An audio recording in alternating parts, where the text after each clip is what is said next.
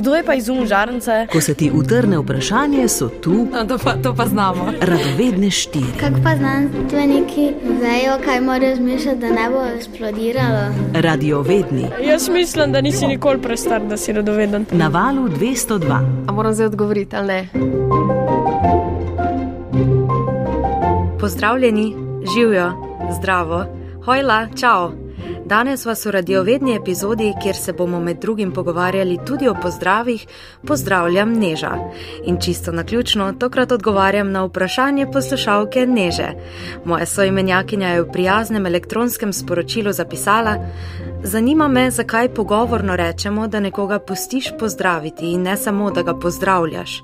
Upam, da boste našli strokovnjaka, ki mi lahko pomaga z odgovorom. In strokovnjaka smo radiovedne štiri seveda našle. Z nami je Matej Šekli iz oddelka za slavistiko na Filozofski fakulteti v Ljubljani. Zakaj torej nekoga pustimo pozdraviti?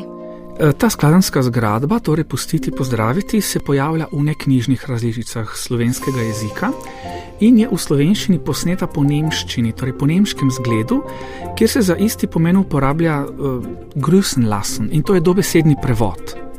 Slovenski stavek, recimo, če enega, ne, en moj prijatelj te pusti pozdraviti, recimo od mene, je popolnoma usporeden nemškemu, recimo, ein Freund von mir lässt dich von mir grüßen. Seveda, ta stavek, zdaj kaj ta stavek pomeni? Ne? To pomeni dobesedno to. Ne? En moj prijatelj pusti, da te jaz pozdravim ne? v njegovem imenu. Uh, V jezikoslovju rečemo, da se s tem izraža tako imenovana vzročnost. To pomeni nekdo, torej ta moj prijatelj, povzroči, ne, da nekdo drug, torej jaz, naredi nekaj zanj, torej pozdravim tebe. Da imamo to skladensko zgradbo posneto po nemščini, ni presenetljivo. Namreč nemščina in slovenščina sta bili v večstoletnem jezikovnem stiku, tako rekoč, ne, v večjem delu slovenskega jezikovnega prostora, v osredju. Ne, izjema je eh, Rezija, Beneška Slovenija na eni strani, pa malo Istre, pa prek Muri na drugi strani.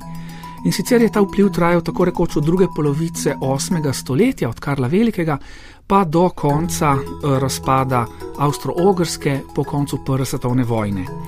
V slovenščino je bilo iz nemščine prevzetih ogromno besed, ne, in to je tisto, kar najbolj opazimo, recimo, vem, skrinja, skrden, ureden, botr, škoda, hiša, maša, opica, recimo, voščiti, škrat, birmati, žveplo, ropati, skratka, ogromno besed, za katere bi danes rekli, da so popolnoma slovenske, so bile prevzete, seveda, pred mnogimi, mnogimi stoletji iz nemščine. Toda ne samo to. Iz nemščine nismo prevzemali samo besed, ampak smo tudi tako rekoč prevajali dobesedno.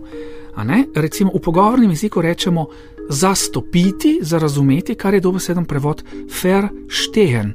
A ne? Ali pa recimo rečemo vem, v knjižnem jeziku, da gremo na izlet, kar je dobeseden prevod ausflug. Ne? In to vrstne zgradbe, kot so pustiti pozdraviti, sodijo eh, na to področje. In teh to vrstnih zgradb, to vrstnih frazemov, besednih zvez je v slovenščini še precej. Eh, Zdaj, če kakšno omenimo, recimo imeti smolo, rečemo, ne, torej, da smo v nekih neugodnih okoliščinah, da se nam nekaj slabega uh, zgodi, to je dobesedni prevod nemškega pehhaben, torej imeti smolo. Ne, recimo pasti v vodo, ne, to pomeni, da nekaj propade, da se ne uresniči, to je dobesedni prevod in z vasa faln. Ali pa recimo, eh, če veliko plačamo, re, rečemo, da smo segli globoko v žep. In to je prevod, recimo, tif in ditaše greifen. Imeti smolo, wow, ali pasti v vodo. Danes imamo te besedne zveze res za popolnoma slovenske, a kot podarja Matej Šekli, so te nastale v dolgoletnem stiku z nemščino, ki se še vedno nadaljuje in je še posebej močen v zamejstvu na avstrijsko-koroškem in štajerskem. Torej, boste naše poslušalce danes pustili pozdraviti ob koncu? Ja, seveda, vse zelo lepo pozdravljam v knjižnem jeziku, oziroma če rečem malo bolj pogovorno, vas pustim lepo pozdraviti. Radiovedni Po naravi smo vsi radovedni, po moje. Radiovedne smo z vami vsako soboto ob 8.45 na valu 202.